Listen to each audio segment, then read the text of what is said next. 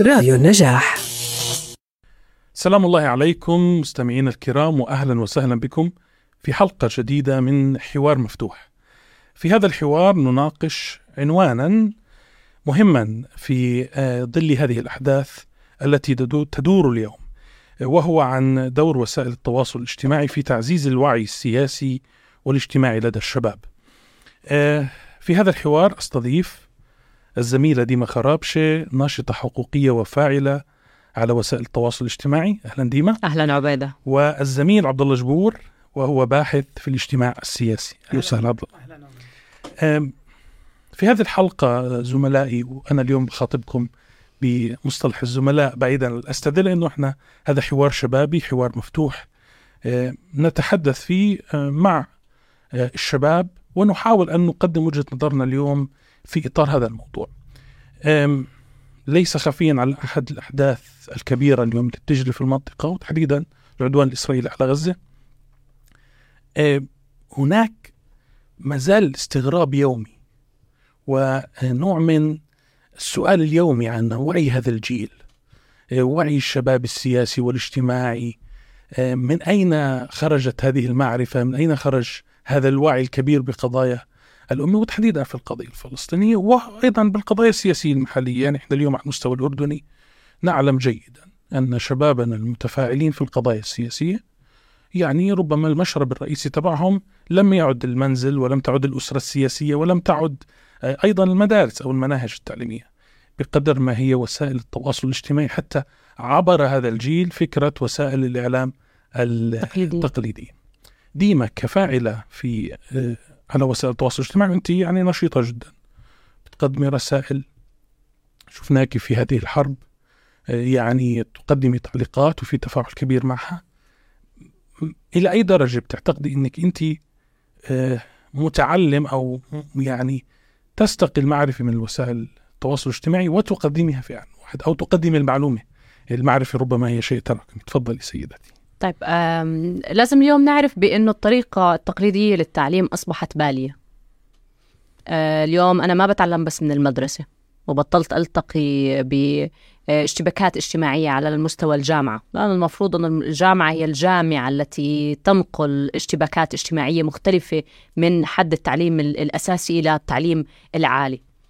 فبالتالي نحن خرجنا من إطار التقليدي لمفاهيم التعليم ومصادر التعليم. هذا مهم جدا إن نركز عليه ضمن إطار العولمة والألفيات الجديدة والأجيال المتقدمه اليوم على أي جيل سابق. إذا بنرجع اليوم نحن كنا نسمي حالنا في وقت من الأوقات جيل الربيع العربي. صحيح. نحن كيف بلش الموضوع؟ page على الفيسبوك كلنا مع الشهيد اللي كان في مصر وتفاعلت معاه الأجيال الشابة والصغيرة جدا في ذلك الوقت عبر الفيسبوك من خلال groups pages على الفيسبوك وانتشر الموضوع بهاشتاج وجودهم على التويتر والتجمعات وأوقات الاعتصامات ووجود والتعليمات وما إلى ذلك. هذه الخبرة التي تنقل اليوم الشباب القيادي في مختلف الدول العربية من مجرد متابعين في لحظة الربيع العربي إلى قيادات في اليوم الحالي بصنع طريقة مختلفة وأدوات مختلفة اللي هي أدواتنا. أنا اليوم مش أداتي فقط الاحتجاج في الشارع أو الاعتصام أو الإضراب. لا أنا عندي أدوات حديثة بستعملها من خلال الضغط ونشر المعلومة على ما هو أبعد من حدود الدولة اللي اليوم أنا بعيش فيها ووصل الرسالة وتضامن أنا بلاقي تضامن وبالعكس ونشر ومساعدة ودعم من خلال الشباب وفئة الشباب اللي عمري من عمرهم. في دول تانية لأني أنا بحكي محتوى اليوم بتناسب مع فكرهم أو تطلعاتهم للحالة السياسية الاقتصادية الاجتماعية. فبطل في حدود المنطق السياسي للخطاب. الخطاب اليوم أنا بعمله في بيتي بموبايلي. وبوصل لحدا موجود اليوم في المغرب موجود حدا اليوم في أمريكا. غير معني اليوم الشاب الحديث في آه على مطلع ال 24 اليوم نحن 2024 يحتاج أني أنا أكون جنبه في أمريكا تيفهم آه آه مشاكل الاقتصادية أو الاجتماعية أو السياسية بالعكس أنا اليوم بتشارك معه وبتداخل مع بعض القضايا والتفاعلات اللي بتفاعل معها وبدعمه من وجودي ومن مكاني هذا اليوم اللي انعكس وشفناه بكيفية تفاعل الأجيال الجديدة على مستوى العالم كله من خلال قضية غزة وما يحدث على غزة. تم نشر من قبل آه، صحفيين بأعمارنا يعني الصحفيين الموجودين على الأرض وهم أبطال الميدان. نحن اليوم بنطلع عليهم مصدر إلهام مصدر صمود جيلنا نحن. زينا زيهم موجودين بالميدان. عم بنقل الحدث عم بخليني على تواصل اليوم معاه بالحدث وأنا بنقل مني لشبكتي. ما هي شبكة بالنتيجة؟ بنقل لشبكتي وبتتوسع المعرفة التراكمية بنقل المصدر الموثوق للمعلومة. أنا اليوم شو مشكلتي؟ إنه أنا ما بدي أستنى اليوم الشخص المسؤول الرسمي في دولتي تحصل على المعلومة لأني ما عندي صبر وما حيعطيني معلومة آه نحن بنقولها بالعامية تفش قلبي. لا أنا عندي مصادر تانية ومتاحة كل الوقت وبطريقتي وحسب رأيي وتوجهي أنا. فبالتالي اليوم الشباب العربي بالمطلق والشباب الأردني غير معني بانتظاره للمصادر الرسمية للمعلومة اللي هي الأهل الجامعة المؤسسات الرسمية التقليدية. أي مصدر للمعلومة تقليدي أصبح غير موجود. أو إذا ما قلنا بأحسن الأحوال إذا ما كان موجود ما كان مش هو الأولوية لأولى في الحصول على المعلومة. مش ثقة. لا آه، أعتقد إنه مش من السليم إنه نقول ليس ثقة. ولكن أنا احتياجي المتسارع للوصول للمعلومة في توقيت معين هو اللي بيعمل حاجز بيني وبين مصدر المعلومة الرسمية. بمعنى أنا اليوم بدي أوصل لمعلومة بس دي اسمحي لي موضوع الثقة. انت اليوم إحنا عم بتقولي إنه الشاب م. بطل يتعامل مع وسائل التقليدية والرسمية م. لأنه يعني إحنا في عنا جزئيتين. إذا عم تحكي أنت عن البعد التقني أو السرعة والأدوات. والأدوات. م. فهي مسألة تقنية. هل إذا الوسائل وسائل الإعلام م. الرسمية والتقليدية حلت موضوع السرعة؟ هل الشاب رح يرجع ياخذ ما هي ما هي حتى المصادر الرسمية. في نشرها للمعلومة هو جدا تقليدي. هو عنده بروسيجر بالضبط غير حط خط التحرير. انت في عندك آه، خطاب رسمي آه، مسؤول من كثير من الجهات في في الدولة أي دولة في العالم مش بس نحن بنحكي اليوم عن الأردن محتاج لرتابة معينة في الموافقة والتحليل والتبعات ماذا سيحدث من خطاب لا بلا من التفاصيل. هذا ما بيحط عبء علي اليوم أنا كناشطه لما أكون في الشارع واقول لك صار كذا وأنزل الصورة. مش محتاج هاي الرتابة. هلأ باتجاهات أخرى إحنا عنا أزمة ثقة مرعبة وهذا مش وليد اللحظة. بالعكس. نحن ترسخ فينا كأجيال حالية من أزمة الثقة في طريقة تعامل الجهات الرسمية معنا. بس هي مش لأني أنا ما بثق في معلومة ال... ولكن المعلومة ما بتوصل لي وهذا طبيعي. يعني زي ما بتقول الأدوار الأدوار إنه يتحدث معي بهاي الرسمية وبهذا الخطابة اللي خلينا نقول تتسم بعدم الألوان. بتحكي لون معين يم... من زاوية وهذا خطابه الشخصي ولونه. هذا ي... ليس بالضرورة يتناسب مع جميع الشباب. هلا في ناس أكيد تدعم هذا الخطاب ومعاه بت... بتكون ب... بوقت من الأوقات. ولكن آه هذا الحكي ما بخدم أجندة كل شخص بمتابعته أو ب... بمعطياته الحالية. طيب بدي أنتقل عندك عبد الله. موضوع الثقة. و... هناك أزمة حقيقية يعني. أنا يمكن ديما آه، أشارت لموضوع آه، أداء هذه الوسائل التواصل. برضو في جزء من آه، تعاطي الشباب والجيل الجديد من أزمته بالثقة مع الأنظمة والحكومات اللي بتحكمه ترحلت لوسائل التواصل اللي بتحكمها. شيء آخر اليوم الأزمة اللي عشناها على المستوى العالمي. يعني عندما تكون كل وسائل الإعلام الغربية تحديدا والعربية إلى حد ما اللي محسوب اللي خيار خياراتها هي محسوبة تجاه أنظمة سياسية وسقفها آه هناك يعني تشويه أو ربما تعتي مهائل على المروية الأخرى يعني إحنا ربما لولا تويتر لولا إن ماسك في تويتر إنه فتح هذا المجال وخلاه مفتوح ربما الكثيرون لم يعلموا عما يحدث في غزة أو ربما لم يستطيعوا مشاهدة وجهة النظر الأخرى وجهة نظر الفلسطيني. الآن كباحث آه ومراقب يومي حتى وجودك على السوشيال ميديا بتخيل للرقابة البحثية. آه كيف بتشوف ثقة أو تعاطي الشباب وهذا الجيل الجديد؟ جيلنا والاصغر منا يعني هم لسه يعني مواليد هذه الألفية الجديدة اللي يعني هم انولدوا مع هال social media هذه. كانوا أبنائها وعيوا عليها اليوم. إيه، كيف ثقتهم بهالوسائل؟ كيف علاقتهم فيها ومدى فعليا بناء المعرفي اليوم هو باخذ معلومة سريعة. بنعرف إحنا ال social media وحتى وسائل الإعلام هي بتنطي معلومات. لكن بناء المعرفة التراكمية هو نتيجة تلقي العديد من المعلومات. فكيف بتشوف هذا الموضوع؟ أي بكل تأكيد عبيدة ومثل ما تفضلت أيضا ديما هناك في ال... إذا كنا نتحدث عن المنطقة العربية هنالك تحول كبير بدأ ب 2011 مع ثورات ما أطلق عليه الربيع العربي في مسألة أنه وسائل وسائل التواصل الاجتماعي بدأت تعيد تشكيل الغلاف المعلوماتي للمجتمعات خصوصا جيل الشباب اللي هو الفاعل الأكبر في هذه الوسائط. وبطبيعة الحال مسألة الثقة هي مسألة حاسمة في الانتقال والتحول هذا لأن وسائل الإعلام التقليدية بدأت أحيانا مكشوفة في مسألة صياغة الرسائل وأيضا انحيازاتها وأيضا فقدانها لمساحة كبيرة من مهنيتها وصار في درجة من الوعي من خلال التحول الرقمي من خلال أنه شبكات التواصل الاجتماعي أعادت تشكيل الغلاف المعلوماتي بالمعنى أنه صار في شريك جديد في الرسالة الإعلامية وهو الشباب نفسهم أو المجتمع نفسه صار يصنع هذا المحتوى. يعني لم تعد الرسالة مرسل ومحتوى ومستقبل وفيدباك بالمعنى التقليدي. أصبح هنالك شريك جديد يعيد هذا الفيدباك التغذية الراجعة وأيضا هو شريك في صناعة هذه الرسالة الإعلامية وصناعة هذا المحتوى وتوجيهه.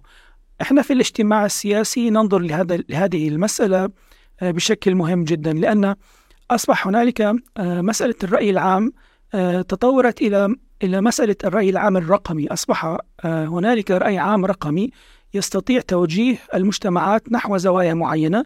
يعيد ما يسمى بالإعلام أو بنظريات الإعلام الأجندة سيتنج يعيد ترتيب أولويات الجماهير في قضايا معينة. يعني مثلا قضية غزة مؤخرا وسائل الإعلام التواصل الاجتماعي ووسائل الإعلام الرسمية أعادت تشكيل هذه الأولويات بحيث أنه أصبحت غزة هي قضية بما هي قضية إنسانية أصبحت قضية أساسية ورئيسة في هذا المحتوى في صناعة المحتوى وأيضا وفي مسألة تداوله. الإعلام الدولي التقليدي الذي كان موجود بعد الذي تطور بعد الحرب الباردة بدأ يتراجع أمام هذا الصعود الكبير لوسائل التواصل الاجتماعي. فمسألة الثقة اليوم يعني يمكن قراءتها أو قياسها من أكثر من زاوية ولكن بشكل عام هنالك حالة حالة قراءة أو نظرة نقدية لوسائل التواصل الإعلام بشكل عام. ولذلك بدأ الشباب والجمهور يذهب لوسائل إعلام أخرى. هنالك وسائل إعلام جديدة بدأت تظهر أيضا أيضا عامل السرعة جعل من الشباب يكون جزء من هذا الثورة المعلوماتية والتواصل الجديد. وبالإضافة عبد الله أنه اليوم الشباب يمكن جزء من ثقته بهذه الوسائل هو إنه صار هو جزء من صناعة الحدث. حتى هذا إيجاد البديل يعني مسألة إيجاد البديل. يعني إحنا يمكن تجربة شخصية كلنا مرينا فيها. هذا مش بس التحول من فيسبوك وإنستغرام إلى تويتر أو إكس حاليا. لأنه بحكم يعني إنه أنت صرت تتفاجئ قديش هناك تقييد على ذاتك. يعني في حبس أنت. يعني أنت كنت تنزل story آه، طبخة مقلوبة. يشوفها أقل إشي 300 400 واحد اليوم أنت عم بتنزل قضية مهمة عم تقول وجهة نظرك في حرب عالمية موجودة اليوم العالم كله عم بيحضرها. اثنين ثلاث ففي تقييد. هذا الزحف نحو بس برضو تويتر هي منصة قائمة وحقيقية. آه، ما بعرف كيف لو ما كانتش موجودة وما كان هذا الخط التحريري في إكس ماذا سيكون آه، سلوك الناس. اليوم نفس الشيء إحنا من تجربة أو يمكن إحنا بنتواصل وموجودين بجروبات على الفيسبوك. حولنا بموضوع الحرب تاعوا شباب على التليجرام شو الواتساب؟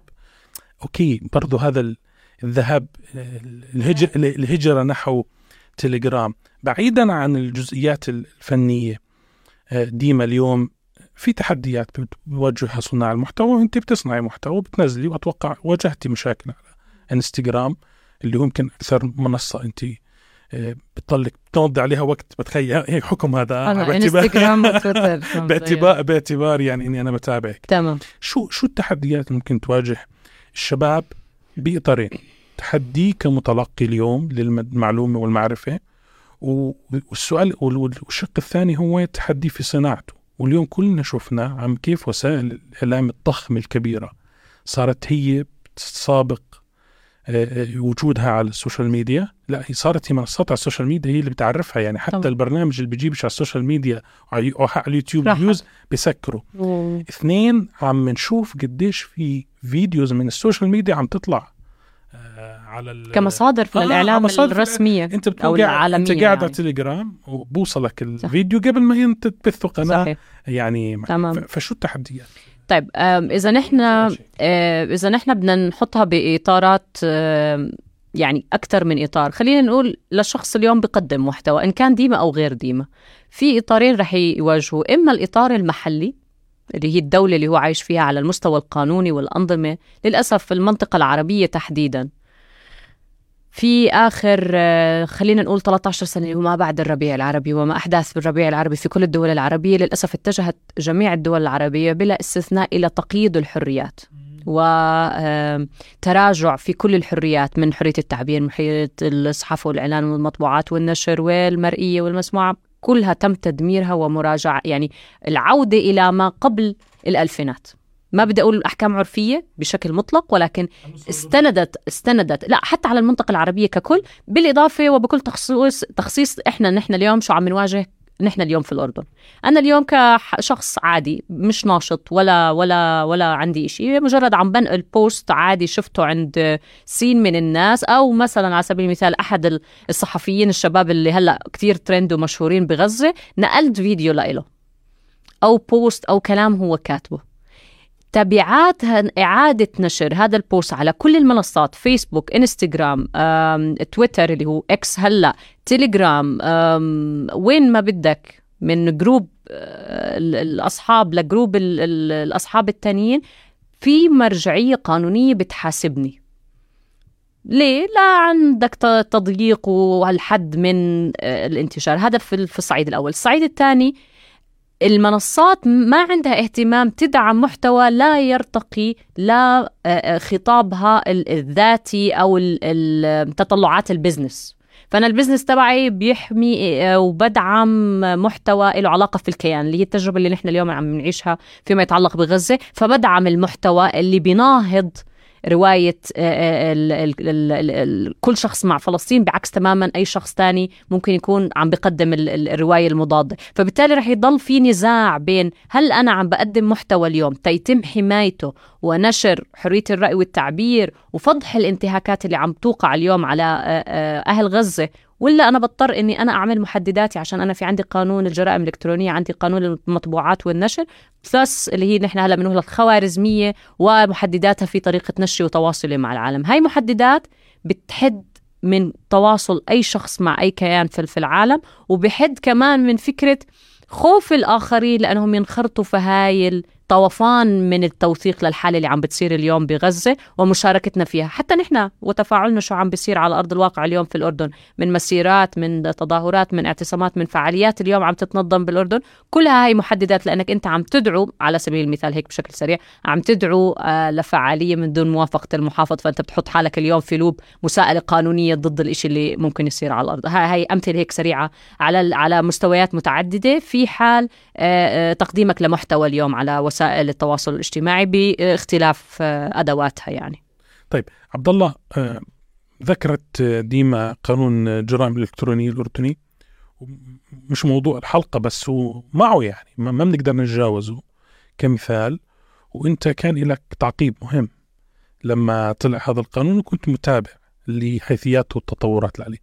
قديش فعليا أثر؟ هلا أنا يعني بنعرف قديش هو اليوم القانون صار عليه تغييرات وبعرف إنه في عندنا جميعا تحفظات عليه اليوم. إحنا آه، كل وجودنا على ال social media ومعني إنه هذا الفضاء يضل مفتوح وعم نشوفه كيف برا مفتوح. فعليا قديش أثر بالله على آه، الشباب وحراكهم على ال social media آه، استقائهم للمعلومة نقاشهم تشييرهم. يعني الأمثلة اللي طرحتها ديما اليوم أنت يمكن اللايك يورطك التعليق وفق القانون.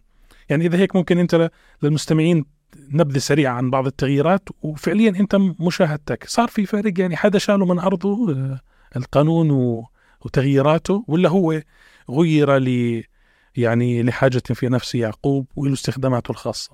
أكيد آه، عبيدة كما آه، قالت ديما مسألة أو فكرة ال- الشرط الرقمي هي مش بس مرتبطة بال- بالأردن والمنطقة العربية هاي ظاهرة عالمية وفي دول أوروبية قامت بتطوير تشريعات للرقابة أو ما يسمى الرقابة على آه، المحتوى في الإنترنت بشكل عام وتحديدا وسائل التواصل الاجتماعية.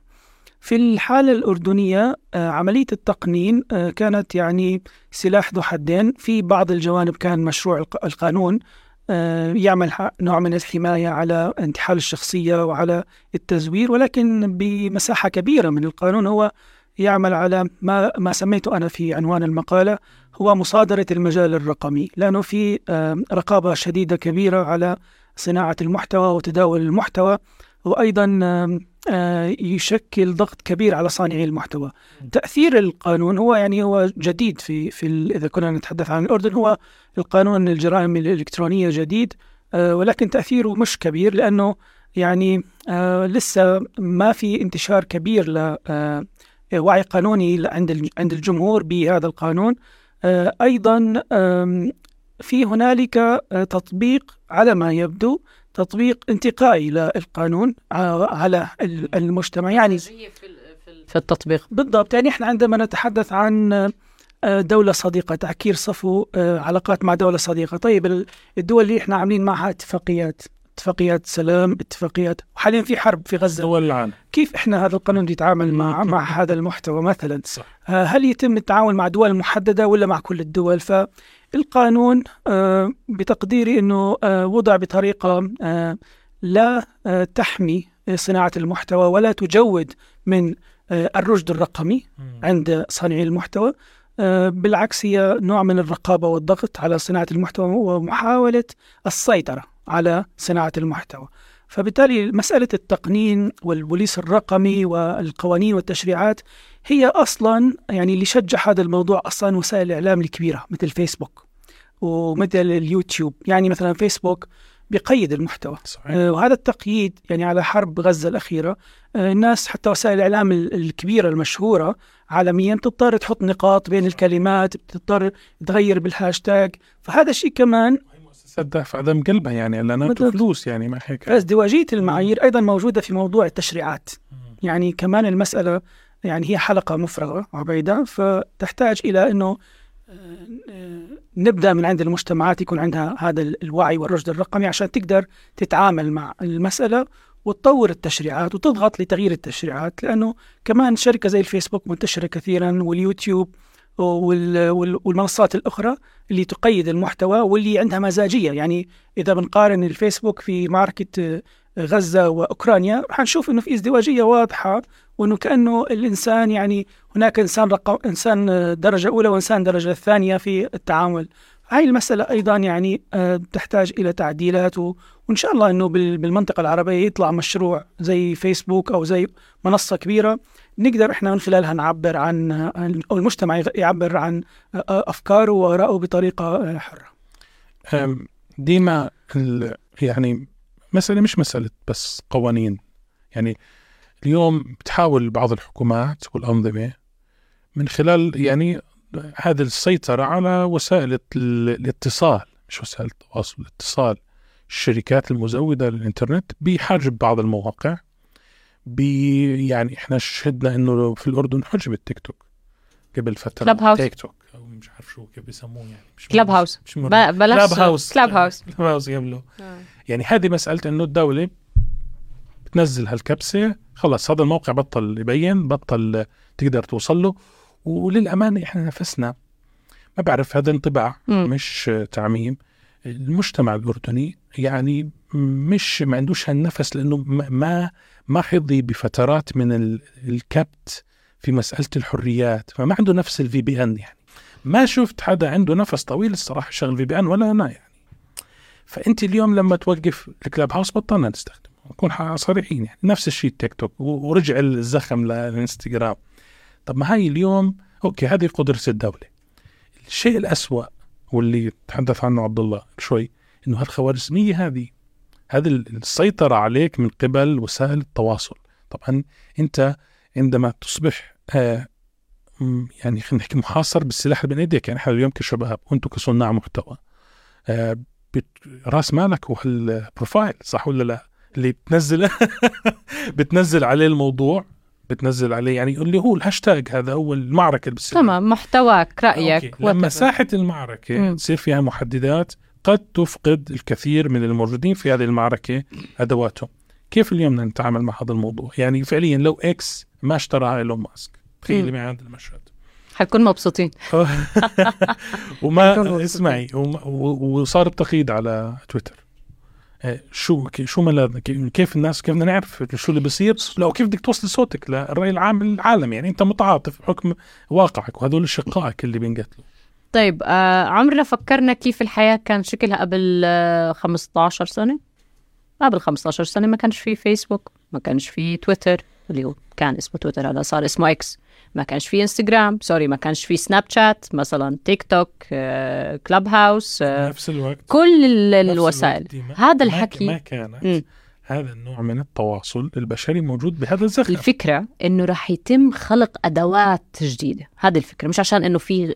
زخم أو الفكرة كل زمن رح يلاقي أدواته الخاصة. يعني أنت بإعتقادك لو ما X لم- أخذ الفرصة حنلاقي شيء. okay. حنلاقي شيء وحيطلع شيء و... ونحاول ويكون في أدوات مختلفة يتم إبرازها ضمن الحاجة اليوم اللي محتاجها الإنسان بالمطلق. أنا مش عم بحكي الإنسان العربي. نتيجة آه، آه، قمع من آه، خوارزميات بعض منصات التواصل الاجتماعي اتجاهه واتجاه المحتوى اليوم عم بحاول أوصل. لا لا لا بالمطلق. الإنسان اليوم رح يتم آه، بكل تطوره اللي عم بتطوره وبكل احتياجاته اللي عم. يحتاجها لخلق أداة جديدة يستخدمها. اليوم نحن كان عنا SoundCloud ترقينا شوي وصار عنا YouTube وال YouTube صار فيه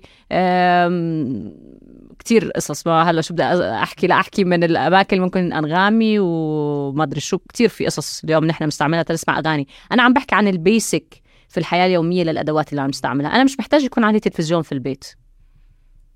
أنا عندي شاشة وممكن أحضر عليها شو بدي يعني. بلا بلا بلا ما بدي أذكر منصات نحن اليوم المفروض مقاطعينها اللي- صفى أنا اليوم الحالة وحتى البودكاست صار أداة من البرود- الأدوات. ال broadcast ال broadcast هو البث. المؤقت. صار المواطن مضطر اليوم يفتح الساعة كذا. لا. سواء مري هذا انتهى. خلصنا. هذا هو العصر اللي من بحكي 2013 الحاجة نحكي بهذا الموضوع. مثلا. واليوم عم بثبت العالم إنه 100% بس وسائل التواصل اللي تحت الطلب أو الإنتاج الرقمي اللي تحت الطلب هو اللي اللي موجود اليوم أنت كشخص وهو هذا الإشي أكيد الناس ممكن بعض الأشخاص ما يحبوه بس ولكن الإنتاج نبع الحاجة الفردية. أنا اليوم كيف بدي أشتغل؟ شو الحاجة الفردية بعملها؟ وإذا ما كانتش موجودة بعملها زي ما عملوا الموبايل. كان في سلك اللي هو التليفون وبطل بسلك. صرنا نتحرك بالبيت ونحكي تليفون الأرضي. بعدين صرنا نمشي في الشارع. كان كبير صار صغير صار في بكاميرا صار ما بعرف شو بلا بلا بلا بلا من التطور. هذا التطور هو اللي بيصير فعليا. فلو ما في مثلا تويتر راح يتم خلق أداة جديدة استخدامها مساحات ثانية. حيخت... يعني حيخلق ممكن تروح على نظير فيسبوك الروسي. عبد الله أنت يمكن عندك اطلاع عليه. طيب إذا بدي أروح عبد الله على غزة. واليوم يعني كانت صلت نحط المجهر على المشهد في غزة. طبعا العالم المفروض اليوم يعني ربما أبرز إنتاج أو يتوافق الجميع عليه. العدو والصديق من نتائج طوفان الأقصى هو انه عادت القضية الفلسطينية على الطاولة العالمية قضية أولى. ومش بس على الطاولة العالمية أمميا برضو اجتماعيا وعلى, وعلى على كل المستويات وعلى السوشيال ميديا صارت. وعم نشوف قاعدين والصراحة مش بس بنشوف وبنحتفي إحنا عربيا ما بعرف يعني في احتفاء. إنه؟ إنه آه، في bloggers غربيين عم آه، بيغيروا طبعاً. نظرهم عم بي بيصيروا معنا. اليوم قديش غزة؟ والحرب على غزة آه، عملت هذا الطوفان في التحول آه، الرقمي والانخراط المجتمعات غير مثقفة ربما أو غير معنية بالثقافة على الشرق الأوسط إنها آه، آه، تكون موجودة آه، وتشارك وتعرف عن ما يحدث في هذا العالم.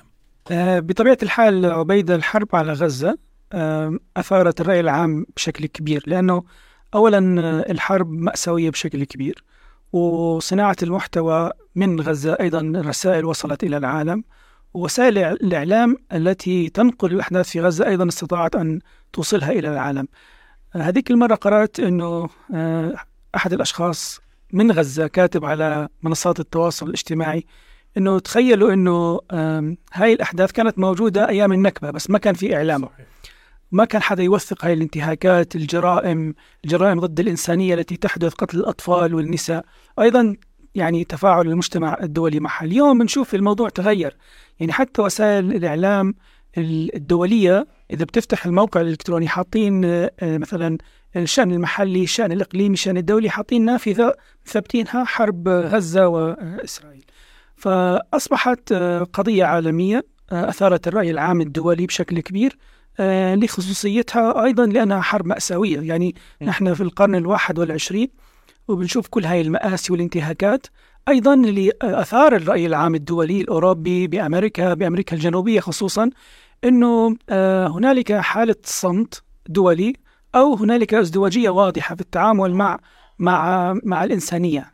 آه، الشخص الذي يقتل في مكان ما مثلا الحادثة التي آه، كانت في فرنسا قبل سنوات مجموعة من رؤساء الدول ذهبوا في مسيرة تقدموا مسيرة دولية لأن هنالك آه، تسع أشخاص آه، قتلوا في عمل إرهابي.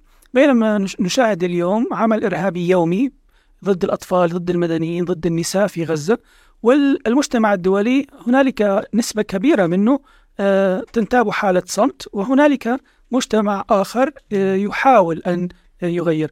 وأيضا أظهرت الح- آه، حرب غزة أنه الإرادة الشعبية يعني شفنا المظاهرات في لندن شفنا المظاهرات في إسبانيا في آه، آه، إرادة الشعبية آه، تؤثر في صناعة القرار ولكنها لا تمثل صناعة القرار. يعني نحن نخاطب الشعوب آه، بطريقة والشعوب تخاطبنا بطريقة أيضا. العلاقة ما بين والتخاطب ما بين المؤسسات القنوات الرسمية شيء وال- والتخاطب الاجتماعي شيء. يعني هنالك حالة عاطفة موجودة في في المجتمع الأوروبي في أمريكا. شفناها بالمظاهرات. بس هذا الشيء على الصعيد الرسمي مختلف آه، تماما. لأنه هنالك يعني نوع من ال- ال- العلاقة المصالحية السياسية آه، تعمل على آه، استخلاص أو منع الحالة الإنسانية أن تظهر في الخطاب. فهذه الازدواجية ظهرت عند السياسيين بشكل كبير في حرب في حرب غزة وكأننا عدنا إلى الحرب العالمية الثانية وإلى أن هنالك مصالح يجب أن نتقاسمها وأن الحالة الإنسانية في هذه المنطقة منطقة الشرق الأوسط أو المنطقة العربية أو في غزة هذا المجتمع ال- ال- المظلوم من سنوات طويلة آه، إنسانيته لا تعني كثيرا آه، مقارنة مع الأشخاص الموجودين بأوكرانيا أو بأمريكا أو بأوروبا. فهذه كانت إشكالية كبيرة. ديما الله بنفس حاب أسمع وجهة نظركم بموضوع الوعي بالمصطلحات. واليوم يبدو إنه لم يعد وسائل التواصل الاجتماعي تقدم المعرفة أو المعلومة أو التثقيف السياسي العام بقدر ما أيضا اصبحت تقدم آه، وعيا سياسيا متخصصا. اليوم أنت صرت الشاب والمتابع بالسوشيال ميديا بيفرق بين استخدام مصطلح القتل والموت. اليوم عم نشوف وسائل الإعلام الرسمية اللي يعني هي سرديتها صهيونية سواء على مستوى دولي أو بعض المؤسسات العربية اللي بتقول لك قتل في إسرائيل ومات في غزة. اليوم صار في وعي عند الشباب. برضو مسألة مصطلحات تصف اليوم ما آه، الكيان الصهيوني بدولة الفصل العنصري دولة دولة الإرهابية. هذا يعني إرهاب الدولة هذا صرنا نسمعه بالسوشيال ميديا ومن من نشطاء برضه على مستوى المجتمعات الغربية. بأكملها هذا الوعي بالاصطلاح حتى اليوم آه، أنه هذا ليس صراع هذا احتلال. يعني هذا التركيز مش بس منا يعني بلغتنا العربية طبعا اللغة مليانة وإحنا ربما سرديتنا بتحمل حالها. بس برضه صار في وعي عند آه، المتلقي الأجنبي. المتلقي الغربي إنه لحظة شوي هذا مش صراع هذا احتلال. لأي درجة اليوم عم بقدم أنت عم عم بتقيسي هذا ال- الوعي وهذا ال- الوعي السياسي المتخصص هلأ في ظل أزمة. ما بعرف آه، بالإطار اللي ما فيش فيه أزمة هل يقدم هذا الوعي أم لا؟ بالشقين ديما شو رأيك؟ أه بعتقد إنه الإنسان اليوم محتاج للتجربة ليخوض وليتعلم. آه، طوفان الأقصى في بي- في بدايته في 7 10 يمكن في هذيك اللحظة الزمنية كان يعني يعني بدي أكون من أكثر ال- المتفائلين ب- بكل المنطقة العربية وأقول لك أعداد محدودة. ولكن ما بعد 7 10 7 أكتوبر هو هون النتيجة هون الحكاية. هون نحن بلشنا نميز إنه كيف بيتم الذبح. مش بيتم قتل أو بيتم استشهاد مش مش قتيل أو هاي دولة آه، أو كيان محتل. أنا كيف بخاطب هذا الكيان اليوم ومين بيمثله وخطابه شو بيستخدم بالكلمات؟ وأنا يجب أن لا أتقاطع مع ذات الكلمات التي يصف بها نفسه ككيان اليوم أو داعمين للكيان. ومن يدعمه إن كان من داخل هذا الكيان أو من دول العالم إن كان العربي والغير عربي. فاليوم أنا جدا لازم أكون دقيق في الصف اللي أنا اتخذت منه موقفي. أنا اليوم ضد الكيان يجب أن أتعامل بالمصطلحات والدعم حتى المقاطعة. اليوم إذا نحن بنشوف من راقب ال- ال social media بنلاقي الناس كتير بتستخدم كلمة إحنا آه، مش قاطعنا إحنا استغنينا. فكرة إنه حتى ال- الأشخاص الغير ناشطين في في في القطاع ال- تحديدا السياسي ولكن على المستوى الإنساني هو شخص عادي جدا. محتواه لا يرتقي إلى مجرد مثلا صور- صورة أو مثلا فيديو المقلوب اللي نحن ضحكنا عليها أول أول حديثنا ولكن محتواه جدا بسيط والذي لا يعني ولا يشتبك مع أي عمل عام على المستوى المحلي أو الإقليمي ولكن ما وجده ما بعد 7 أكتوبر خلق نوع جديد ومفاهيم جديدة ونظرة جديدة للحياة متطلباتها الاحتياجات اللي أنت اليوم محتاجها في حياتك اليومية ومتوفرة لك واللي أنت اكتشفت إنها أساسية وأنت مش منتبه لها لأنها أصبحت بديهية في حياتك. فاليوم صرنا نطلع نقول مي أكل مستشفى آه، كنيسة وجامع. هذا كله شفناه بلحظة ما تاريخية تم هدمها وشفنا صمود وبقاء واستمرارية وتعاضد بين أبناء هذا المجتمع ليحموا نفسهم وذاتهم بهاي اللحظة التاريخية ولا يكونوا موجودين فيها. كيف بيحموا نفسهم من خلال تصديرهم؟ هم صدروا لإلنا. فعليا نحن تعلمنا منهم. هم بيستخدموا لغة مختلفة. طفل صغير اليوم عمره عشر سنين. ناس آه، خربت الحي. يعني خلينا نحكي ب- ب- ب- باللا باللا هوية واللا لون. وقف عمره عشر سنين بقول لك فدا غزة.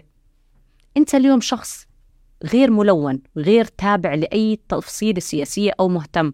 مجرد ما أنك أنت تشوف هذا الطفل حيزرع في داخلك مفاهيم جديدة للغة. استخدامك اليوم للمصطلحات بعطيك فرصة أكبر. بالتالي هذا بخلق شيء جواتك بيساعدك على أنك أنت اليوم تقدم محتواك بما يخدم مصالح ودعم وحق. هذه الفئة من الناس اللي هي طبعا نحن بنحكي اليوم عن أهل غزة بالضرورة وحالة عامة على كل فلسطين. فمثلا نحن كتير لازم نميز بين عرب إسرائيل. ما فيش اسمه عرب إسرائيل. في إشي في إشي اسمه كلها هاي فلسطين ما بنفعش نقسم والتقسيمات. صارت الناس تستثمر اللحظة التاريخية لإعادة توطين المفاهيم المصطلحات اللي اليوم نحن بنستخدمها لأنه فعليا هذا جزء من الاستعمار اللي استعمر الجميع. بلا استثناء. إن كان آه، في فلسطين بكل أقسامها وبكل آه، آه، يعني الظروف التي عاشتها من من الاحتلال بداية القيام الدولي بال 48 إلى يوم 7 10 23 اختلفت المفاهيم واختلفت لأنه الأجيال أصبحت مختلفة أدواتها أصبحت مختلفة. أنا اليوم لما بدي أجي أستخدم مصطلحات معينة أنا بنشر هاي المصطلحات فصار في مسؤولية. المسؤولية بتعطيني قدرة أكبر لأكون دقيقة فيما أنقل دقيقة فيما أستخدم. في لحظة ما من خلال الحرب بال بال بال بال 45 يوم الماضيين تحديدا ما قبل الهدنة كنا ندقق ونقول يا جماعة استقوا مصادر معلوماتكم. لا تساهموا في أذى محتمل لأهل غزة. فاليوم نحن بدنا نوقف إنه المقاطعة مش بس منتجات. مش استهلاك مواد غذائية أو ملابس أو أو لا كله. إحنا عم نرتقي اليوم في في المقاطعة. فعم نطلع لمستوى أعلى في المقاطعة فيما يتعلق مقاطعة كل شخص مش مع الم- المقاومة. مثلا إحنا مع آه، مقاطعة كل دولة وكل إنتاج لا يدعم المقاومة لأنه أنت صار في عندك مفهوم جديد لفكرة الدعم. هاي هاي تطبيقك لها في الحياة اليومية جزء من آه، انتشار المقاطعة هالمرة بطريقة أوسع هو أتوقع السوشيال المشهد. آه آه المشهد التواصل لأنك أنت يعني. شفت المشهد ووصلك المشهد هلأ يعني ما حنكذب على بعض في سنوات معينة أصبحت ال- ال- القضية الفلسطينية في ذيل الأخبار العالم مش بس على المستوى في العربي ذي الاهتمام الناس العالم يعني. كله مش فقط فما بالك الدول العربية وما يحدث ضمن الإقليم والأحداث اللي صارت في آخر فترة بالمقابل أنت اليوم محتاج أنك أنت تخلق أداة جديدة تستثمر فيها الوقت. حدثت هاي الحادثة ترجع الناس للتراك اللي لازم ترجع عليه. سين صاد من المؤسسات وال- والشركات والمصانع والمنتجات بتدعم وكانت وقحة وفضة بأنها اليوم تعلن في ظل هاي الظروف الصعبة بأنها تدعم وما زالت موجودة على الأرض وتقدم. هذا بيخلق نوع مختلف من التعاون. أنت اليوم بتشوفها في محلات وفي في السلوكيات على المستوى العام لل- للأردن والمنطقة العربية بالإضافة أنه حتى الأجانب اليوم Black Friday بي من كم يوم. بقول لك مع إنه هذا أهم يوم آه للسوق الأمريكي على سبيل المثال.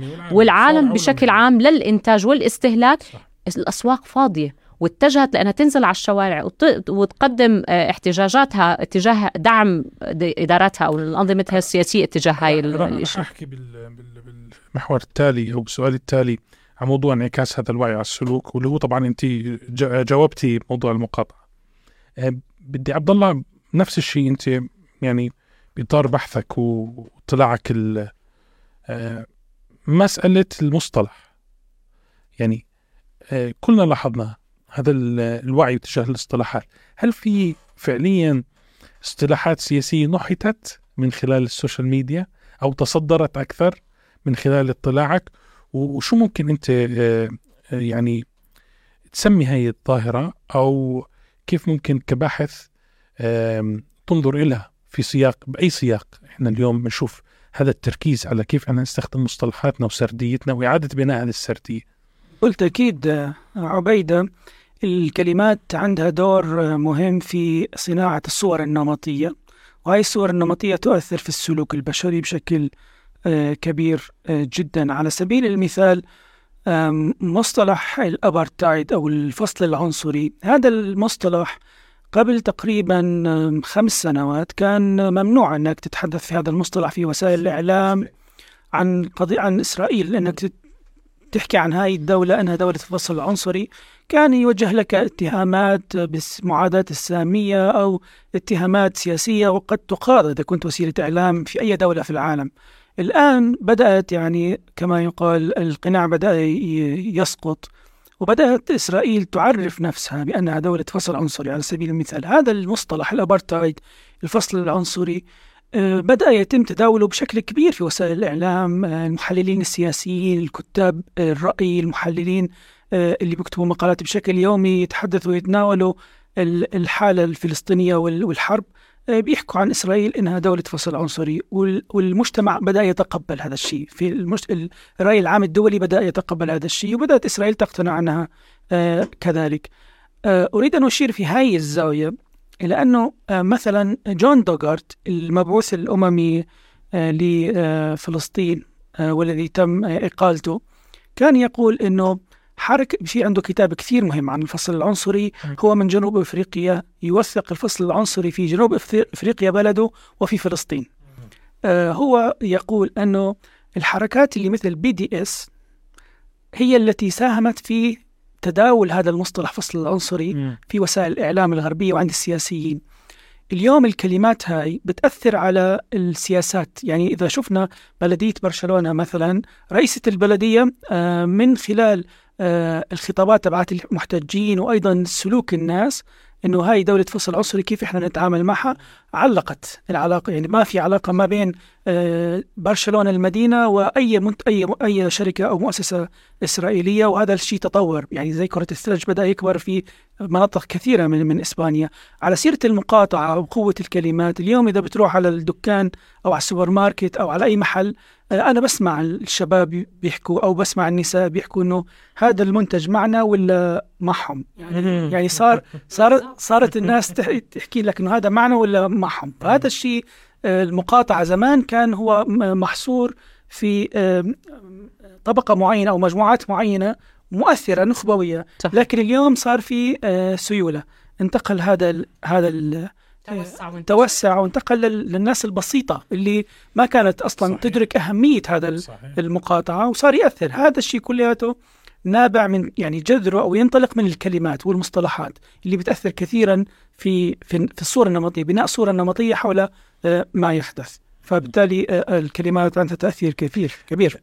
حكت ديما عن موضوع المقاطعة. آه، بدي بدي أبلش من عندك. آه، بانعكاس الوعي على السلوك اليوم آه، هذا واحد من انعكاسات الوعي آه، هو المقاطعة وذكرت أنت BDS اليوم قديش أثر هذا انعكاس الوعي عبد الله؟ وراح أجيك ديما بنفس النقطة. آه، عن موضوع المظاهرات. اليوم نشهد العالم مظاهرات لم يشهدها في تاريخه. يعني أنا من أسبوعين كنت في دولة غربية فيها هامش من الحريات ليست في أوروبا والكل متفاجئ من حجم المظاهرات. آه، سياسيين تلك الدولة بقول لك بدهم طلعوا لنا هذول يعني. معقول إحنا عندنا فلسطينيين أو عرب أو مسلمين لها درجه صح. لا هو فعليا الحراك الأسبوعي كان حراك حقيقي على مستوى. فقديش هذا آه، له جذر بوعي؟ قديش له جذر بالوعي اللي رسمه ال social media أو وسائل التواصل الاجتماعي؟ بكل تأكيد آم، مسألة المشاركة أو قيمة المشاركة أو فعل المشاركة هو عنده جزئية سيكولوجية نفسية. اليوم الناس آه، يمارس عليها ضغوط خاصة إحنا بالمجتمعات العربية بنشاهد ما يحدث في غزة ومكبلين ما عندنا قدرة أن نعمل شيء إلا نعبر بوسائل التواصل الاجتماعي. هذا التعبير آه، هو الذي يعطينا هذا المتنفس الوحيد. فبالتالي آه، مسألة التعبير عن الرأي والمشاركة ينتج عنها ما يسمى السبرانية الرقمية. بالاجتماع السياسي نسميه السبرانية الرقمية. هاي العدوى في في في التعبير عن الرأي آه، تنتقل بشكل متسارع وتؤثر في الجماهير والجماهير اللي ما بتقدر تعمل شيء بتنزل على الفعل ال- على الميدان. تعبر عن رأيها برفع الشعارات أو بترديد الشعارات اللي مؤيدة للقضية الفلسطينية أو للتعبير عن أو ترسم صورة معينة أو أو عبارة معينة ترفعها وتمشي فيها بترتاح نفسيا. وهذا الشيء أيضا موجود آه، باللي بيصنعوا المحتوى. يعني أحيانا إذا مر يومين من اللي بيصنعوا محتوى متعودين على صناعة المحتوى وكمان بدهم يحكوا عن القضية الفلسطينية بس هو مش قادر. يعني هو حاسس إنه في إشي آه، خانقه. فهو لما يروح يكتب شيء يعبر عن رأيه بيتنف يعني برتاح شوي بحس بنوع من الارتياح. آه، هذا الفعل آه، بينتقل للميدان. يعني. التعبير بوسائل التواصل الاجتماعي وسائط التواصل الاجتماعي لما أصنع المحتوى وأعبر عن رأيي كمان هذا الشيء بينتقل لمرحلة متقدمة اللي هي النزول إلى الميدان والفعل الاحتجاجي لأنه بيكون عملية تعبئة سبرانية التعبئة السبرانية تنتقل لتعبئة اجتماعية على الأرض في مظاهرات وأصوات و- وممكن تنتقل هاي المظاهرات أيضا تأثر على السياسة. آه، ديما بنفس السياق م- قديش ال- المظاهرات هي انعكاس وقديش ممكن بعض الناس يصير عندهم حالة عكسية. بمعنى إنه أنا وجودي على ال social media تأثيري على ال social media يغنيني عن المشاركة الميدانية أو ممكن تكون أهم. طيب الإنسان بطبيعته آه، مختلف من شخص لآخر. أنا ما بشبهك أنت ما. بتشبهني وهكذا. فبالتالي الطبيعة البشرية لاستخدامها لأدوات معينة لتعبر عن ذاتها مختلفة. أنا بعتقد على سبيل المثال إنه أنا مجرد نزلت post على الفيسبوك آه، شيرت فيديو على الإنستغرام آه، كتبت لي كم كلمة على تويتر أنا عملت اللي علي وهيك أموري تمام. يعني في حالة رضا. خلينا نقول. آه، بالطرف الآخر ممكن لا تكتشف إنه في أشخاص قادرين على إنهم يعلوا ويصعدوا في الفعل السياسي تحديدا عشان نكون دقيقين في المصطلحات بما بدنا نحكي. نصعد في المست... في, ال... في الأداة السياسية المستخدمة لإيصال الحق أو لإيصال الفعل والتفاعل والتعبير عن الرأي بطريقة مختلفة. ففي ناس مثلا بتنظم ذاتها وبتق... وبتصير مجموعات وبتدخل في إطار تنظيمي له علاقه بال... بال... بالإعتصامات. تظاهرات. لأنه في فرق كتير كبير بين كلمة اعتصام وبين كلمة تظاهر. ندخل في إطار الحملات المتكررة الداعمه لحملات المقاطعة للمنتجات التي بتدعم بشكل مباشر للكيان من خلال آه، تشير مثلا آه، آه، ال- ال- البوستات وال update اللي اليوم نعملها لتحديث من حملة المقاطعة ال BDS على مستوى العالم. تفاعلنا اليوم لننتج بدائل ونقول والله في البديل الفلاني تعالوا ندعمه. عربي أردني آه، مصري بلا بلا بلا من المختارات أو المنتجات اللي ممكن تساعدنا. أنا ممكن بهذا الفعل أكتفي وأشعر بالرضا وأني ساهمت على قدر استطاعتي. في ناس لا الرضا عندها ما رح يتوقف ببوست على الفيسبوك وتشير فيديو أو إنها هي هو أو هي صانعة محتوى فتنزل فيديو وتتحدث عن عن يعني آه، حاجة دعمنا للمستشفيات والتبرعات والمساهمة بشكل أكبر بدعم ال- المالي للمساعدات اللي عم تتوصل لا الموضوع بصير يكبر أكثر وبصير نشتبك على المستوى. يكون التصعيد على المستوى الإقليمي مش بس على المستوى المحلي والعالمي. فبتلاقيني أنا لا بشتبك أكثر مع أشخاص في دول غربيه لنترجم مثلا المحتوى ونقول للعالم شو يعني آه، آه، آه، دولة فصل عنصري من منظور فلسطيني مش من منظور خلينا نقول لاتيني على سبيل المثال أو أو إفريقي أو تجربة الفلسطينية وقضيتها وإثارة المحتوى الفلسطيني اللي ممكن يكون محدود بطريقة اللي هي اللغة. إنك عندك يا بالعربي عندك يا بالإنجليزي لا أنا بدي أشتبك أكثر وأدخل على ثقافات ولغات مختلفة وأوصل لهذا الشخص القادر عليه. واصعد على المستوى السياسي. فلقينا اليوم إنه في محامي فرنسي آه، قرر إنه يجمع هو واحد من أكبر المحامين على مستوى فرنسا بإنه يجمع مجموعة من المحامين وتقدم اليوم لمحكمة العدل ال- الجنائية الدولية فيما يتعلق في القضية الفلسطينية تحديدا أحداث غزة مؤخرا. فبالتالي التصعيد هو قدرة الشخص على قوته في استخدام أدوات سياسية أو مدنية لا إظهار بعض ال- ال- الوسائل الدفاعية عن القضية اللي هو اليوم بتبناها. فأنت اليوم مثلا على سبيل المثال والدتك هي ال ال ال الأقصى فعل اللي ممكن إنها تعمله يوصلها فيديو بتحدث عن أم عن طفلة بسيطة. نحن بنشوف قديش المحتوى هلأ عم بصير كتير كبير ويعني مشتبك إنسانيا بعواطفنا في صناعة الخبز والأكل اللي. بيعملوه اليوم. فتلاقي نفسها كيف ساهمت في إنها تدعم فلسطين من خلال إنها تشير هذا الفيديو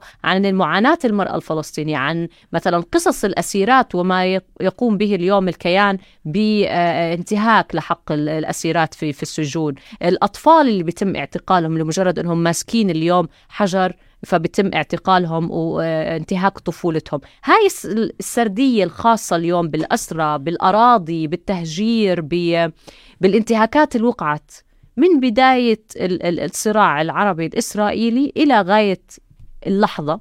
هي كل منا بيختار الطريقة اللي يغني فيها السردية وينشر فيها السردية ويبقى يبقى على تواصل مع مقاومته.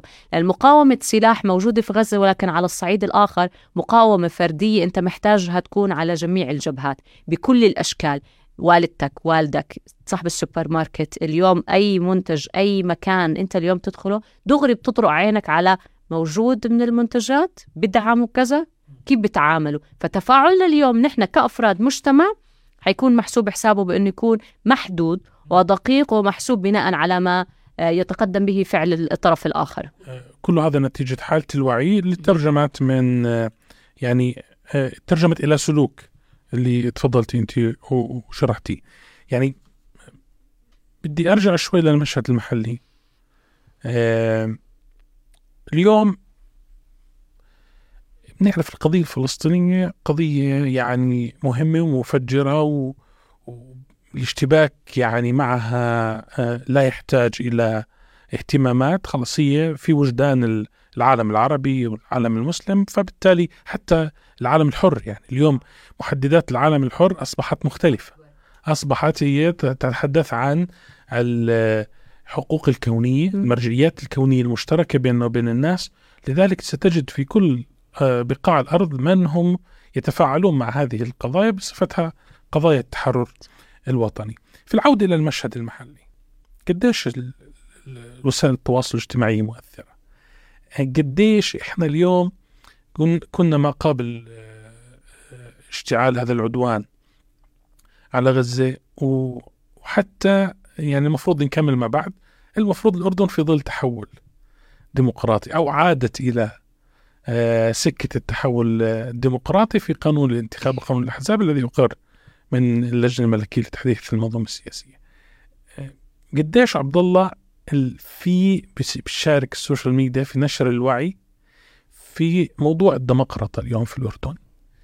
هل هي لها أثر ولا هي فعليا تدور حول فضاء المهتمين؟ يعني اليوم لا يتفاعل مع هذا المحتوى إلا المهتم به ربما إحنا لأنه شوية مهتمين بالشأن السياسي معنيين فيه. آه، هل ممكن إنها ال social media أو وسائل التواصل الاجتماعي تساهم فعليا بتحريك المياه الراكدة بهالملفات المحلية وعلى راسها الإصلاح السياسي؟ إي طبعا آه، بكل تأكيد. آه، وسائل التواصل الاجتماعي زي ما حكينا بالبداية إنه هي بتشارك بشكل كبير بإعادة تشكيل الغلاف المعلوماتي والثقافة وتنتهي بصناعة حالة وعي معينة باتجاه آه، معين. آه، إذا كنا نتحدث عن التثقيف السياسي والثقافة السياسية آم، في ظل يعني تراجع البرامج والخطط آه، التي تستهدف حالة التثقيف السياسي في في الأردن سنجد أنه ال- الذي يعبي هذا الفراغ هي وسائل التواصل الاجتماعي ومؤسسات المجتمع المدني آه، أيضا. آه، في الأردن على سبيل المثال الثقافة السياسية آه، هنالك مستويات مختلفة متنوعة. آه، تراجع حالة التراجع واضحة. هنالك يعني مناطق فيها أمية سياسية. هنالك مناطق فيها آه، وعي سياسي جيد ناضج بشكل كبير. هنالك حالة رشد سياسي في منطقة معينة هنالك حالة تراجع كبير في منطقة أخرى. هذا عدة عوامل تلعب في في هذا في هذه المسألة.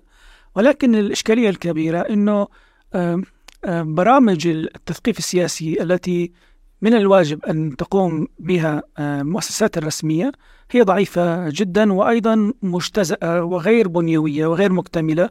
يعني في الأردن نحن في حالة تحول ديمقراطي أو تحديث سياسي لا يوجد لغاية الآن من 2021 لليوم استراتيجية وطنية للتنمية السياسية. يعني فكرة التنمية السياسية فقط هي من خلال برامج تقدمها مؤسسات مجتمع المجتمع المدني. وأيضا هنالك اعتماد على حالة التثقيف السياسي اللا إرادي التي آه، تكون من خلال وسائل التواصل الاجتماعي. اليوم وسائل التواصل الاجتماعي ولأنه الطبيعة تأبى الفراغ هي التي تقوم بهذا الدور آه، بشكل كبير. إحنا لما نشوف حوار بين شخصين يتناولوا قضية سياسية معينة الناس لما تشوف هذا الحوار بصير في عندها نوع من الموقف السياسي. لما نشوف آه، برامج على التيك توك أو برامج على اليوتيوب أو على البودكاست. اليوم البودكاست هو أكثر أكثر الوسائل بي- بيتناول مثلا قضية تاريخ فلسطين التاريخ السياسي أو التاريخ السياسي الأردني أو ت- تتناول فكرة الهوية الهوية السياسية الهوية الاجتماعية. هاي الأشياء آه، ما بتتناولها البرامج اللي بتتقدم من المؤسسات الرسمية ومش موجودة بش بهذا الشكل بالمناهج الرسمية. يعني أنا جزء من ب- بتصنع حاليا الكتاب الثقافة الوطنية لل- للجامعات. واطلعت على ال- الك- الكتب السابقة والمقررات السابقة الحالة ضعيفة جدا. هذا الشيء بينطبق أيضا على المناهج ال- في المدارس. المقررات والمناهج في المدارس آه، ما كانت قبل ال 2021 تتناول فكرة المشاركة السياسية الوعي السياسي كيف يصنع القرار النظام السياسي في الدولة آه، فكرة المواطنة آه، فكرة الشأن العام الصالح العام مش موجودة. حاليا في هنالك حالة تغيير ولكن هذا غير كافي. وبتقديري أنه وسائل التواصل الاجتماعي آه، بتلعب الدور الأول والرئيسي في مسألة التثقيف السياسي وصناعة وعي سياسي. ولكن هذا يحتاج أيضا لأدوار يعني آم، أكثر وضوحا من قبل كل أصحاب المصلحة. ديما أنت فاعله وناشطه حتى على مستوى مش عم بورطك يعني بس أنت مرتة عم مخلصة. ومخلصة. في الشأن المحلي بتعلق كثير. ويعني عادة ما تأخذ الجانب المعارض. البسي. اليوم عم نلاقي أحيانا في سلوك من الدولة أنه والله يمنع النشر في قضية ما.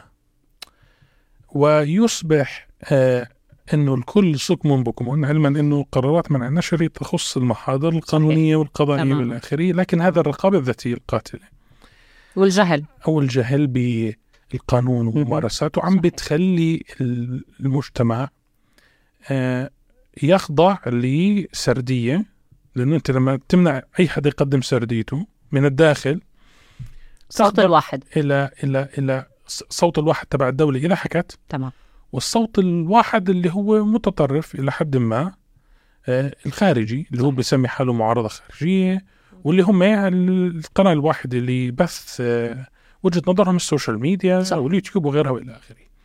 اليوم أنا يعني بديش أناقش عقلية الدولة أو السردية الأمنية اللي تبث فيها، بدي اليوم أحكي قديش إحنا مسؤولين وصناع المحتوى مسؤولين والإعلاميين المحليين مسؤولين عن لا عدم الصمت وتقديم محتوى حقيقي ويناقشوا الناس. يعني نضل فاتحين النقاشات ونتحدث بجرأة لأنه أنت إذا ما تحدثت اليوم عن الواقع في ظل كل التحديات الموجودة والقوانين الداخلية والتحديات اللي ممكن وال, وال, وال يعني خلينا نحكي توابع توابع ذلك أنت عم بتخلي الجمهور آه، ربما حبيس لسرديتين ثنتين على النقيض التام صح. ما في منطقة رمادية الكل أما أبيض أما أسود وهذا بيصنع نوع من ال- ال- صراع. أو الصراع داخل المجتمع فقديش بتشوفي إنه انت أو غيرك من اللي بقدموا وجهة نظرهم وإحنا هنا بهالبلد وبنروح وبنيجي عليه هذه المسؤولية إنه يضل يحكي ويضل بهالمساحة هاي من إلى مش الدنيا أبيض وأسود يا إخوان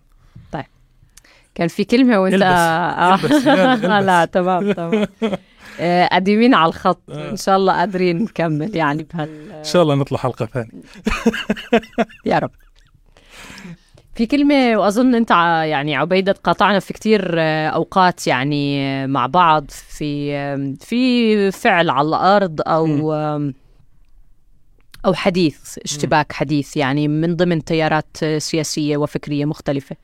اليوم آه، كان الجواب بكل بساطة معنا خيار عبيدة. وهلا صرنا نسمع هاي الكلمة بعد 13 سنة من الربيع العربي ومن ولا جيلنا؟ ما بدي أحكي أقدم من ذلك. ما عندناش خيار. شو الخيار اللي عنا اليوم؟ نسكت؟ لو بدنا نسكت سكتنا زمان. فالفكرة اليوم اللي اللي بيحكي راح يضل يحكي واللي بيفعل راح يضل يفعل. ولكن الفرق إنه أحيانا راح تكون زي خط سير القلب. تخطيط. بيرتفع بنزل بنخفض بيطلع. ضمن الأحداث ضمن المساحات اللي ممكن تسمح فيها بعض إدارات السياسية والظرف السياسي اللي لليوم اللي صار لأنه إحنا عنا كانت مساحات سياسية قبل سنوات أعلى وأكبر بكثير. يعني كان مضمار الخيل للحركة. وهامش الحرية أكبر بكثير من اللي اليوم نحن بنمشي فيه. نحن على الحد اليوم على الحد الفاصل ما بين نحن ندخل في الاستبداد وبين إحنا لسه بنحاول إن نعدل وقف الوقفة تبعتنا. مش أروح باتجاه الديمقراطية. لا لا لا إحنا هلأ صار في فجوة بيني وبين الديمقراطية. أنا عم بحكي على مستوى الأردن. لسه صراعنا على المستوى الإقليمي. جدا كبير وأظن عبد الله هو يعني أكاديميا أقدر على إنه الحديث بهاي الجزئية. فبالتالي أنت تأرجحك ما بين أنت تروح على الاستبداد أو تبقى هو أنت الشخص القادر اليوم على إنك تمسك خيوط ما بين خط ال ال ال ال ال ال يعني الاكستريم المتطرف اليمين أو المتطرف ال- اليسار بشقيه يعني وبفوارقه بأدواته بطريقة تعامله اليوم مع مع الجمهور بالمطلق. هو أنت الشخص اللي ما زلت قادر على فهم وقراءة المشهد وتقديم حلول بالحد الأدنى من قدرتك على الاشتباك مع الطرفين ووجود حل يدعم وي- ويزيد من حجم الفئة اللي اليوم ممكن تتفاعل معاها بخطابك إن كان هو اختار فيما بعد الخطاب اليمين أو الخطاب اليسار ضمن ضمن سياقات يعني سياسية في وقت ما ولكن أنت قادر على أنك أنت تسحبه من المنطقة الرمادية.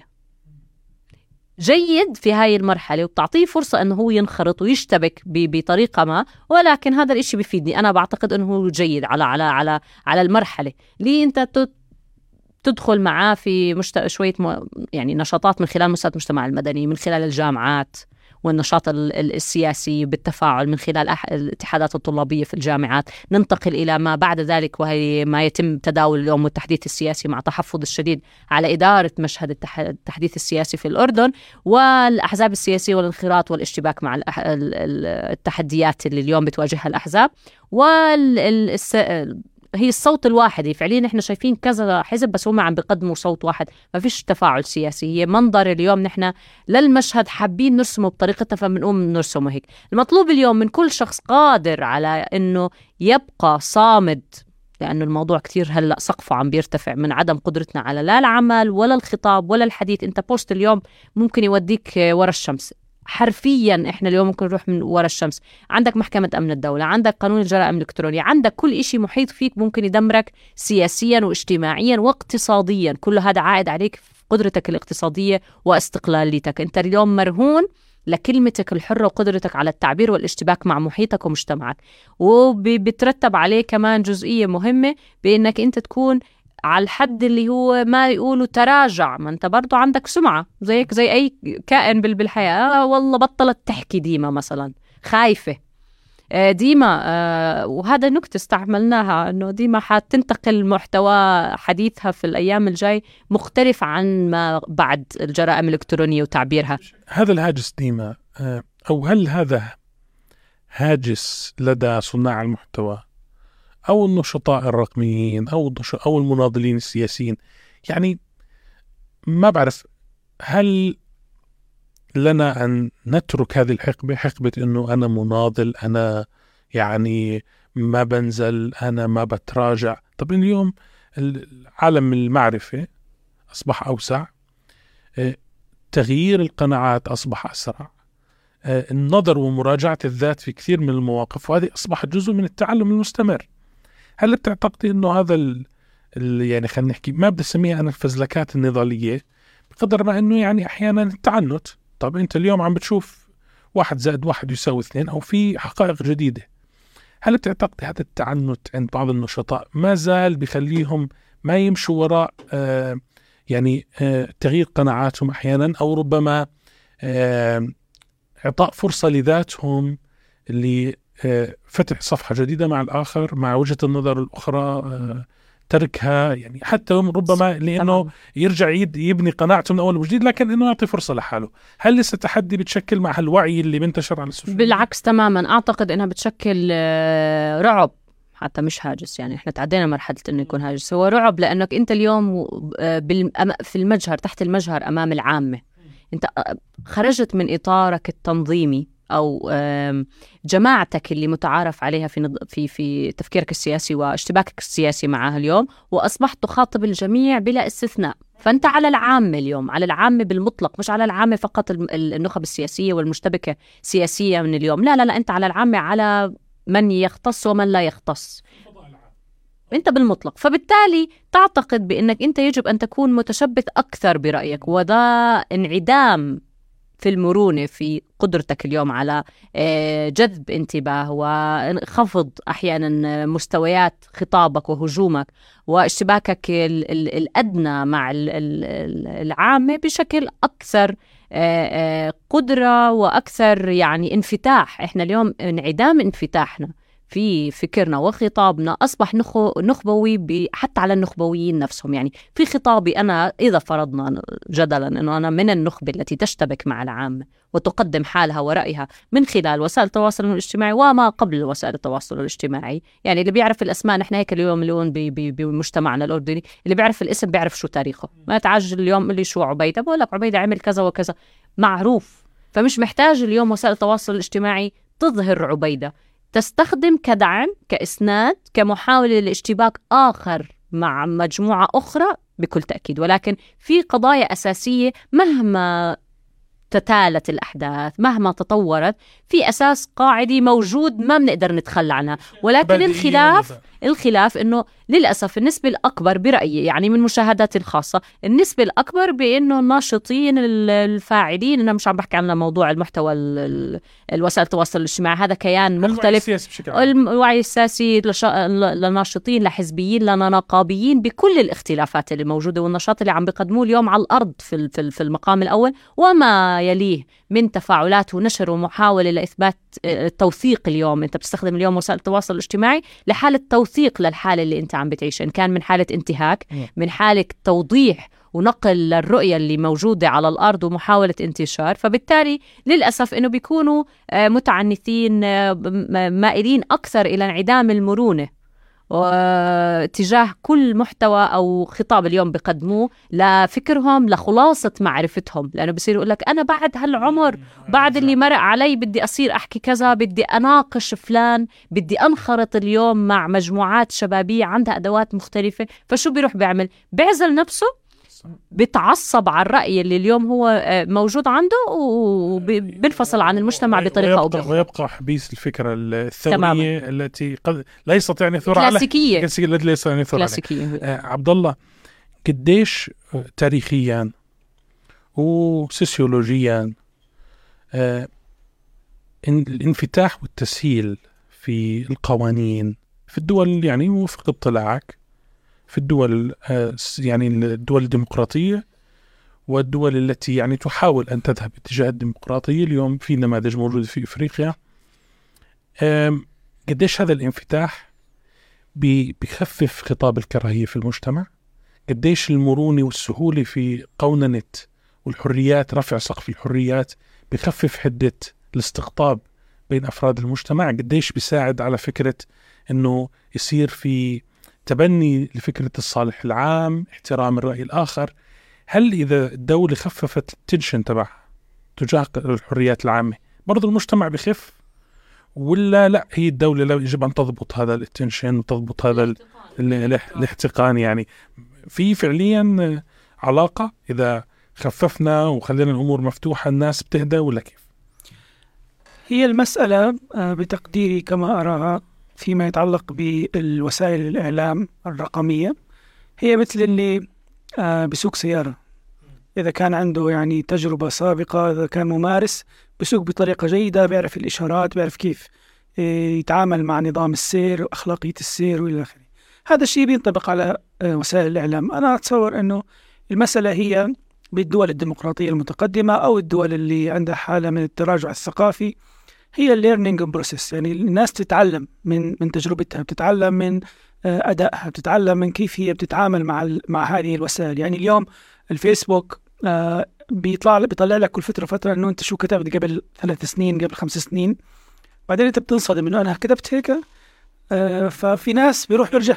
أنا كنت أحكي هيك أنا هيك كان رأيي. آه، أنا هيك كنت أنظر ل- ل- لها- لوجهة النظر هاي من الزاوية هاي بس. ففي ناس بيروح بيرجع بيعدل حتى لو كانت قبل أربع سنين خمس سنين و- والواحد بيتعلم من سلوكه بيتعلم من آه، كيف بيتعامل مع هذا المحتوى الجديد مع لأنه اليوم صار في علم كامل اسمه علم الاجتماع الرقمي. هذا العلم آه، هو من أجل آه، الاحتضان هاي ال- هذا هذه الثورة. لأنه اليوم ال- أصبح ال- أصبحت الرقمنة هي وقود المستقبل. يعني المسألة السياسية مرتبطة بالرقمنة ال- الاقتصاد مرتبط بالرقمنة التربية والتعليم مرتبطة بالرقمنة الاجتماعي الثقافي كله مرتبط بالرقمنة. حتى بال- بالعمل السياسي الممارسة السياسية الحزبية أصبح هناك أحزاب سبرانية أصبح هناك تعبئة رقمية. فكل شيء صار بهذا الغلاف آه، الرقمي. وبتقديري أنه ال- المسألة آه، بتختلف صحيح من مجتمع إلى آخر ولكن الفكرة آه، موحدة. المجتمعات بتتعلم من تجاربها تتعلم من أخطائها ولابد من أنه إحنا قبل ما نعمل قيود ونكبل الناس أنه نثقفهم لأنه المسألة تحتاج إلى تثقيف تحتاج إلى آه، دراية في هذه المسألة. يعني لهيك إجت اليونسكو وأشارت قبل آه، تقريبا عقد أنه مهم جدا الث- الثقافة الإعلامية والمعلوماتية تكون موجودة عند المجتمعات عشان تقدر تتعامل مع هذا الانتقال الجديد والتحول الجديد للمجتمعات في مسألة الانتقال نحو ال- الرقمنة فالمسألة بترتبط بأنه إحنا أول شيء آه، نوعي بعدين نعمل آه، الإدارة إدارة ال- الفوضى وليس آه، تكبيل الناس لأنه أحيانا التكبيل بيعمل احتقان الاحتقان بيعمل هذا النموذج اللي إحنا بندرسه بال psychosociology نموذج فانون فانون بيقول أنه أحيانا لما تمارس الدولة آه، الاحتقان على المجتمع المجتمع بي بيتشرب هذا الاحتقان بي بيتكرس جواته بعدين يطلقوا بين بعض البعض بعدين هذا ال- ال- التبادل بين بعض البعض للمجتمعات يرجع يطلق بوجه الدولة. فهي ال- ال- السايكل هذا مهم جدا إنه ننظر إليه إنه مش كل شيء آه، لازم نتعامل معاه بت- بتقييده أو بتقنينه أو بضغطه أو بوضع حدود له لأنه أحيانا إذا بتضع له حدود أو بتعمل له قوالب جاهزة تضعه فيها رح ينفجر بوجهك. فالمسألة تحتاج أولا إلى تثقيف وتوعية ومن ثم عملية الإدارة الإطار العام للفكرة. فهذا بتقديري هو النموذج الرشيد في التعامل مع هذه المسألة. في ظل اللي حكاه عبد الله ديما وين بتشوفي مستقبل وسائل التواصل التواصل الاجتماعي ودورها في يعني نشر الوعي أو الاستمرار في لأنه كمان إحنا بنعرف انها بتنشر أشياء كثيرة. بس إحنا لما نحكي وعي هذا يعني الخلاصة عندما يقوم البشر بالتعرض إلى ال- الإيجابيات والسلبيات وبالأخير يعني هو بتشكل عنده وعي. هل هذا كان وعيا ايجابيا أم سلبيا؟ هذا متروك لتجربته الفردية. وين بتشوفي أنت مستقبله؟ للعلاقة بين وسائل التواصل الاجتماعي وبناء الوعي. أعتقد آه، أعتقد بالمجمل بما إنه نحن هلأ على مشارف آه، الشباب أص- سيصبح آه، وجود العنصر ال- الأساسي في حياتنا ل- آه، لوجود الشخص فعليا على على على يعني إن كان وسائل التواصل الاجتماعي أو الرقمنة وجود الكائن البشري من خلال ال- الفضاء الإلكتروني بكل مشتقاته. فأنت يعني زي كأنك إذا مش موجود على ال- ال- ال- الرقمنة والحياة كأنك غير موجود. فأنا أعتقد أن هذا الخيال الذي يعني يتطلع ويتطور يوما بعد يوم. فمثلا على سبيل المثال إذا فرضنا بأنه آه، مجموعة من الشباب سمعت عن ديما. دغري من we Google it so بنعرف ديما موجودة على فيسبوك على تويتر على انستغرام وأي من ال platforms اللي نحن اليوم بنعتبر إنها هي منصات لخطابنا مع الجماهير المطلقة وفئات ال ال ال ال الشعب كلها بكل أعمارها ضمن منصات أو توقيتات معينة لأستخدم هاي الأدوات. فبالتالي غيابك عن هذه الأماكن لإطار عام ضمن جيل معين كأنك غير موجود. هلا أنا عم بخاطب اليوم جيل معين هو هناك موجود. فأنا إذا بدي مثلا آه، عمر مثلا على سبيل المثال من 12 سنة ل 18 سنة بروح على تيك توك. إذا بدي فئة عمرية ثانية ونخبوية أكثر بروح على تويتر أو إكس. وهكذا. فبالتالي في إطار معين من التوقيتات والأعمار في السنوات القادمة سأتجه ب... ب... وأنغمس أكثر. في اتجاه أني استخدام هذه المنصات لأوجد مساحات. اليوم التنظيمات حتى التنظيمات السرية التنظيمات السرية هي فاعلة على الأرض ما بتخلق وعي للفرد إلا إذا الشخص أو الفرد بذاته قرر الانضمام لهذه التنظيمات إن كان على المستوى الحزبي أو التنظيمات السرية اللي بتنخرط في في في مجموعة من ال- المراحل لإعداد الشخص. وهذا يعني شق لن يتغير بسهولة م- بالرغم من الت- التطور اللي بيعيشه اليوم الفرد والإنسان على اشتباكه السياسي الاقتصادي الاجتماعي من خلال وسائل التواصل الاجتماعي. فبالتالي لازم يكون عندي وجهة نظر أكثر وضوحا. هذا المجموعة ستبقى بتنظيماتها وبطريقتها التقليدية منع بالعكس حماية لأمنها وسلامتها وقدرتها على التواصل بينها وبين أشخاصها. ومع ذلك في هاي التنظيمات وطريقة إعداد الأشخاص حتلاقيها موجودة على ال social media. حتلاقي لهم آه، صفحات على ال- اللي هي ال pages والاكونتات تبعتهم حسابات وصفحات على وسائل التواصل الاجتماعي تبث خطاباتها وتفاعلها مع المجتمع الكبير اللي هي الجزء منه لأنها تستقطب منه مجموعات جديدة. ولكن بالمجمل أنت اليوم مش موجود على على المساحات الرقمية. أنت شبه غير موجود؟ آه، عبد الله يعني لخصت ديما أو حكت عن أهمية إنه استجابة المجتمع للوجود على ال- المنصات، هل في استجابة عكسية مهمة؟ يعني اليوم كس كوسائل التواصل الاجتماعي هذه بالعلاقة بينها وبين آه، بناء الوعي، هل في استجابة من قبلها لل- للآخر يعني هل تجربة مثلا تويتر مؤخرا بخل ترك الخوارزمية بحد بحد ذاتها بطريقة عادلة بين طرفي النزاع هل بتعتقد إنه هذا هذه التجربة حتأثر على سلوك ال social media تجاه المجتمع؟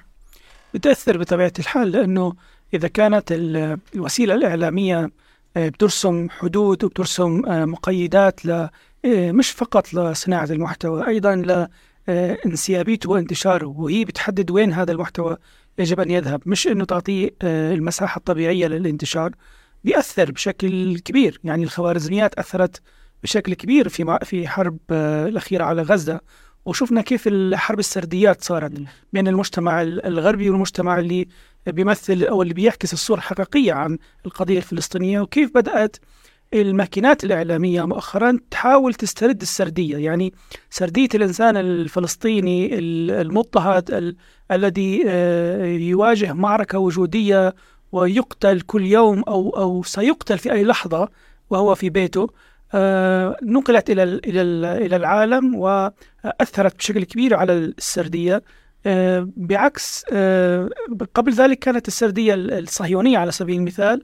آه، ترسم انه هنالك أيضا هذه هذا الم- هذا الم- الملف وهي الممارسات الإرهابية أو ال- العنيفة آه، يواجهها المجتمع في إسرائيل. آه، الحرب في غزة والإعلام كشف ال- الزيف وأظهر الحقائق فبالتالي صار في نوع من التوازن بالسردية. الآن سر- سردية الإنسانية آه، الموجودة بقضية غزة بدأت تظهر وتصعد بشكل آه، كبير جدا. تحاول الماكينات الصهيونية استرداد هذه السردية ولكن يبدو أنه يعني الانسان الإنسانية كسبت معركتها في غزة. يعني.